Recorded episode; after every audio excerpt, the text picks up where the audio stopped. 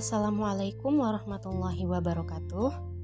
Perkenalkan, nama saya Nova Dwi Puswita dengan NIM 2009995 dari Prodi Ilmu Ekonomi dan Keuangan Islam.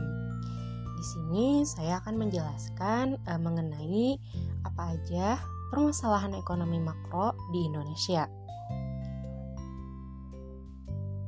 Permasalahan ekonomi makro yang tidak segera ditangani dengan serius dapat menimbulkan efek samping yang parah.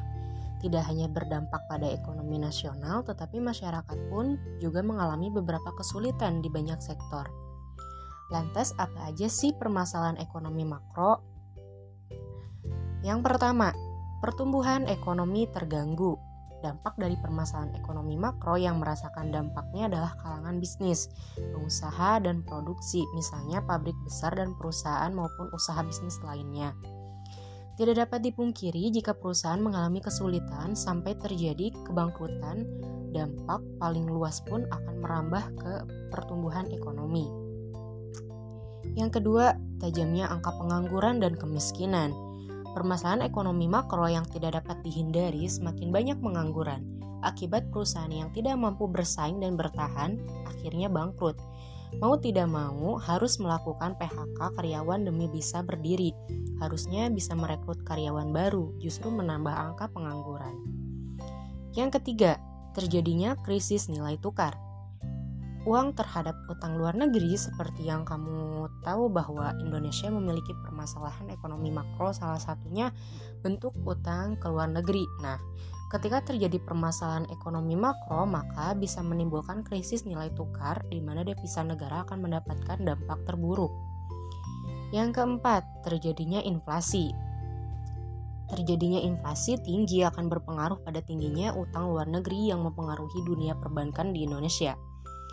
Bentuk kesulitan yang paling terasa masalah likuiditas. Akibatnya, terjadi kemacetan di sektor usaha akibat terlalu besar beban utang negara.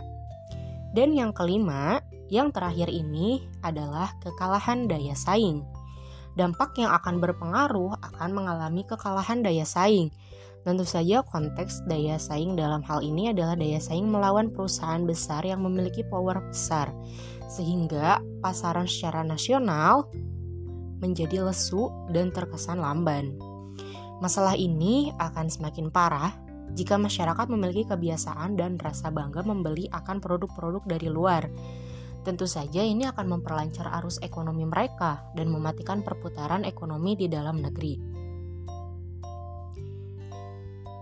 Dari beberapa permasalahan ekonomi makro eh, tadi, tentu saja kita menjadi lebih paham sekaligus memahami perekonomian luar negeri maupun mempengaruhi perekonomian lokal.